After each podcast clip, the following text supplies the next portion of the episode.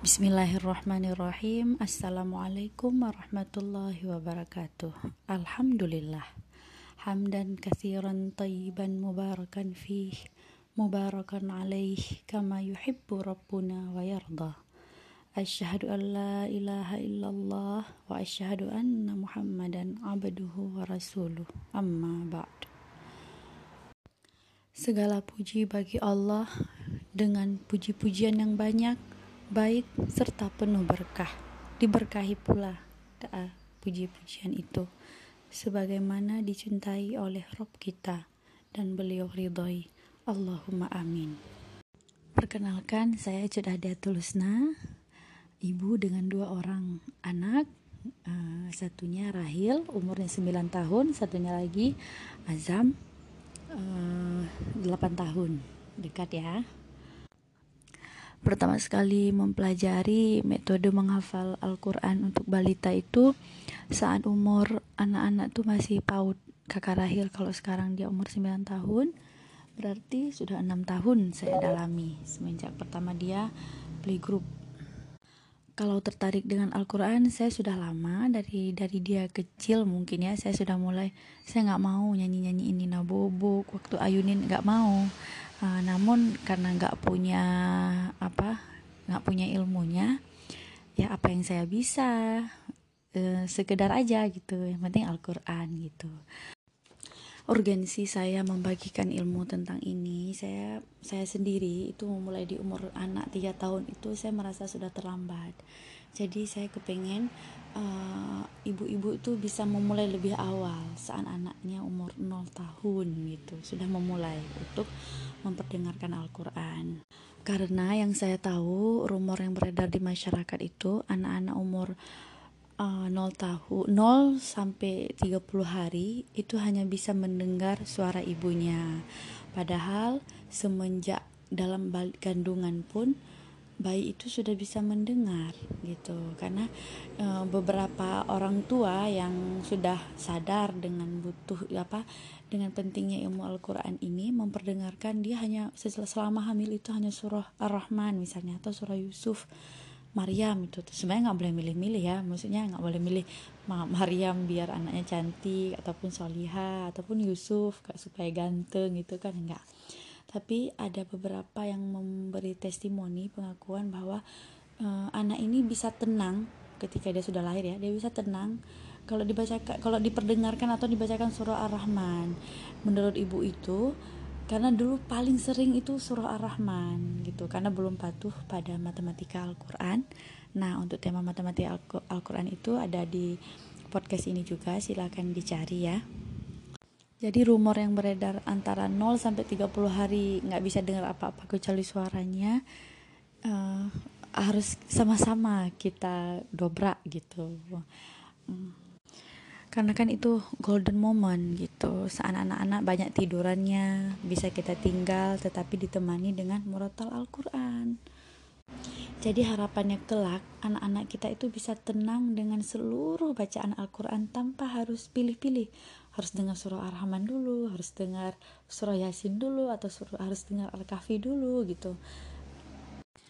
Nah, kalau di fase ini semua balita perlakuannya sama. Nah, berbeda jika anak-anaknya sudah mulai aktif bergerak ya. Uh, ataupun sudah ada apa udah ada tipe udah ada gaya belajar sudah ada kepribadian gitu nah itu sudah mulai teknis yang detail gitu. Jadi kalau momen golden moment ini dilewatkan sayang sekali. Jadi marilah sama-sama kita dakwahkan dan beruntunglah kamu yang sedang mendengarkan podcast ini. Nah sedikit di sini saya akan mengulang tentang matematika Al-Quran. Kalau saya dulu memperdengarkan ke anak itu apa yang saya bisa, apa yang saya mampu. Nah, untuk ibu-ibu sekarang cobalah mulai dari misalnya halaman 1 bukan halaman satu ya halaman satu al-baqarah itu yang pendek itu ya. Halaman dua al-baqarah itu kan misalnya ibu-ibu mau satu hari. Satu hari itu aja terus. Jadi tasminya itu lebih daripada 10 bahkan 50 kali untuk didengarkan anak-anak. Karena satu halaman itu mungkin kalau Syekh yang mujawad nggak sampai lah 10 menit gitu. Uh, kalau dihitung rata-rata Al-Quran itu ada 600 halaman maka di hari ke-600 anak kita khatam tasmi. Satu tahun itu 350 hari. Jadi anggaplah karena kita ada libur-liburnya manusia ada khilafnya ada lupanya. Jadi anggaplah uh, dua tahun itu anak kita khatam tasmi per halaman nah itu yang saya maksud tadi.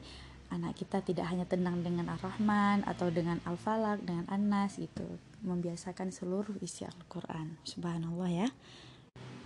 Nah sebenarnya step tasmi ini nggak bisa dilewatkan. Jadi kalau kita tidak memulainya di umur anak nol ya kita harus memulainya kembali di saat umur anak kita uh, dua atau tiga tahun itu harus diulang gitu. Hanya saja metodenya berbeda. Ya metode misalnya per surah gitu. Jadi saat hari ini kita sama-sama belajar surah ar-rahman nanti belajar artinya mungkin anak tidak tidak anteng itu bukan karena dia tidak suka ya. Itu kan sudah dipengaruhi dengan gaya belajar.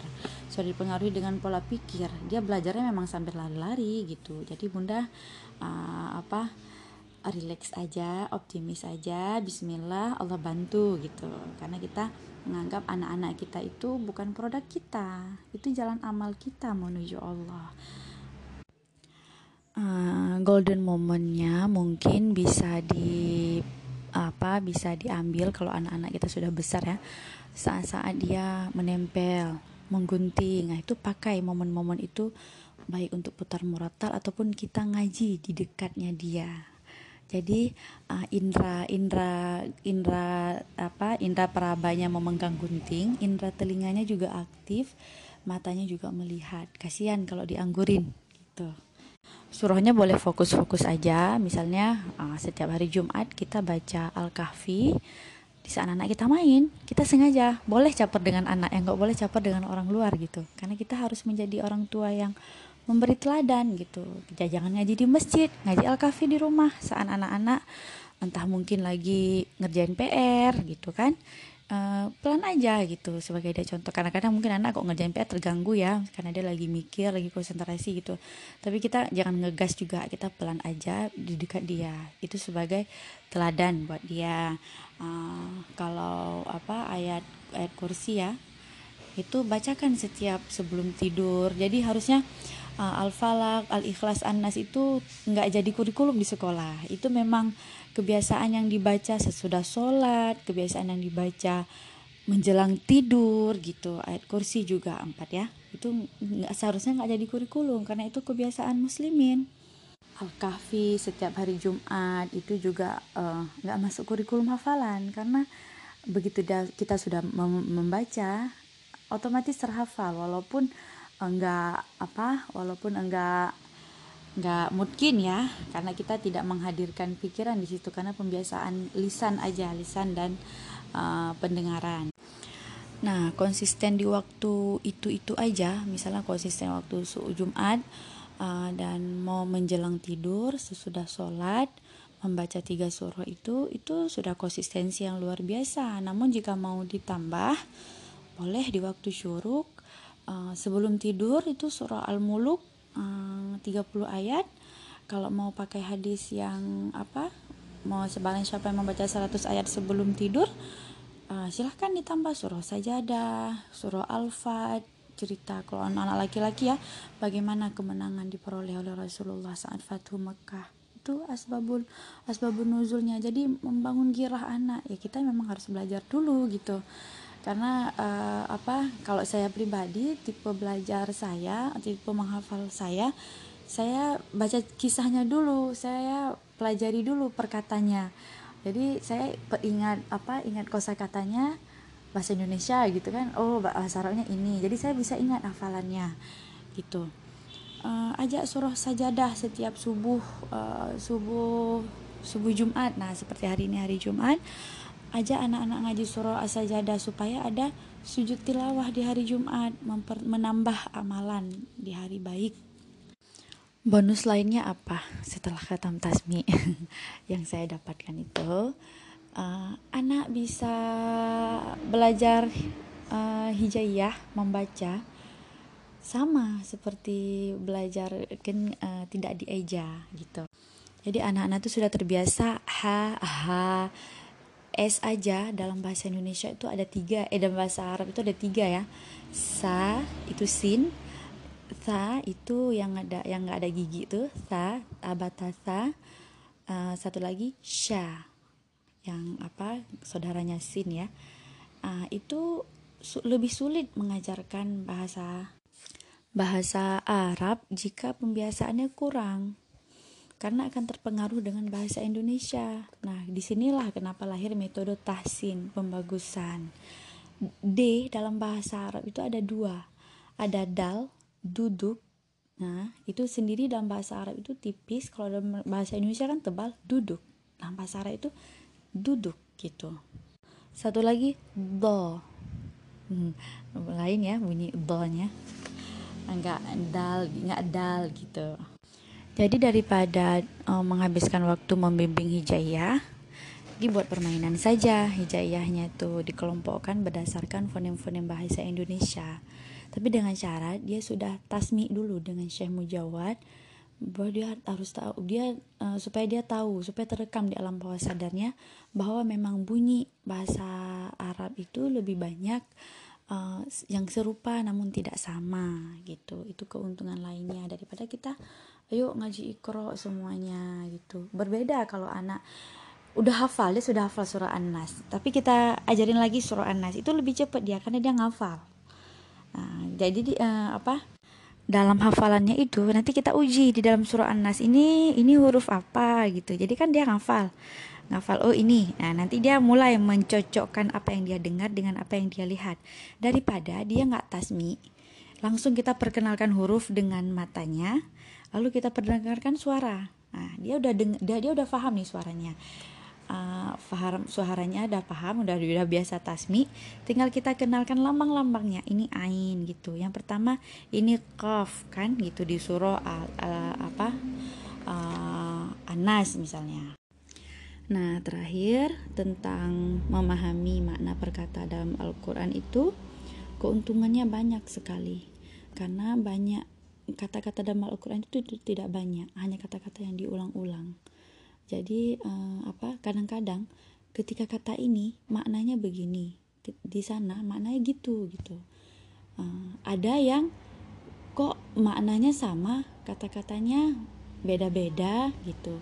Di situ kita akan belajar budaya lagi di saat kita mencari asbabul urut kita belajar tafsirnya penafsiran ulama ini penafsiran ulama itu Nah, kebetulan kebetulan saya lulusan bahasa Inggris ya. Jadi kami di sana ada belajar tentang cross culture understanding, memahami hmm, budaya budaya Inggris gitu kan. Jadi bahasa itu sangat mempengaruhi uh, budaya. Hmm, kalau kata ini digunakan begini berarti maksudnya ini, karena secara budaya begitu gitu. Kok nanti, um, nanti saya coba buat podcast uh, tentang ini ya, uh, dikasih contoh gitu. Ini singkat saja. Uh, terakhir, uh, baga- kenapa tasmi dan tikrar itu sebagai ikhtiar uh, menghadirkan hati, gitu kan? Ya karena tasmi ini penanaman, penanaman pembiasaan dalam alam bawah sadar. Dia lagi main dengerin gitu, terbiasa gitu. Jadi ya secara nggak langsung itu sudah tertanam di dalam hatinya. Tikrar terulang-ulang, terulang-ulang, terulang-ulang itu akan melekat kuat gitu tinggal disentuh sedikit lagi dengan pemahaman kita ajari maknanya ini loh nak nah jadi uh, tetap step pertama untuk menghadirkan hati dengan Al-Quran perdengarkan anak dan biasakan. Perdengarkan tasmikan uh, biasakan. Tikrar terus diulang-ulang terus diulang-ulang. Jangan sampai sepi satu hari dari Al-Quran. Yang wajib setiap hari itu uh, tiga kul surah apa uh, ayat kursi 30 ayat sebelum tidur atau 100 ayat. Setiap hari Jumat ada Al-Kahfi, ada surah sajadah. Mungkin silahkan ayah bunda membuat apa selebrasi bulanan mungkin. Eh kita bulan ini sudah khatam satu juz ayo kita rayakan gitu. Um, itu luar biasa hadiah-hadiah dengan Al-Quran. Selamat uh, selamat beraktivitas kembali. Semoga uh, hari-hari kita uh, penuh dengan rahmat Allah karena kita sudah membiasakan diri dengan Al-Quran semampu kita. Allah tahu kemampuan kita. Allahumma arhamna Quran. Wassalamualaikum warahmatullahi wabarakatuh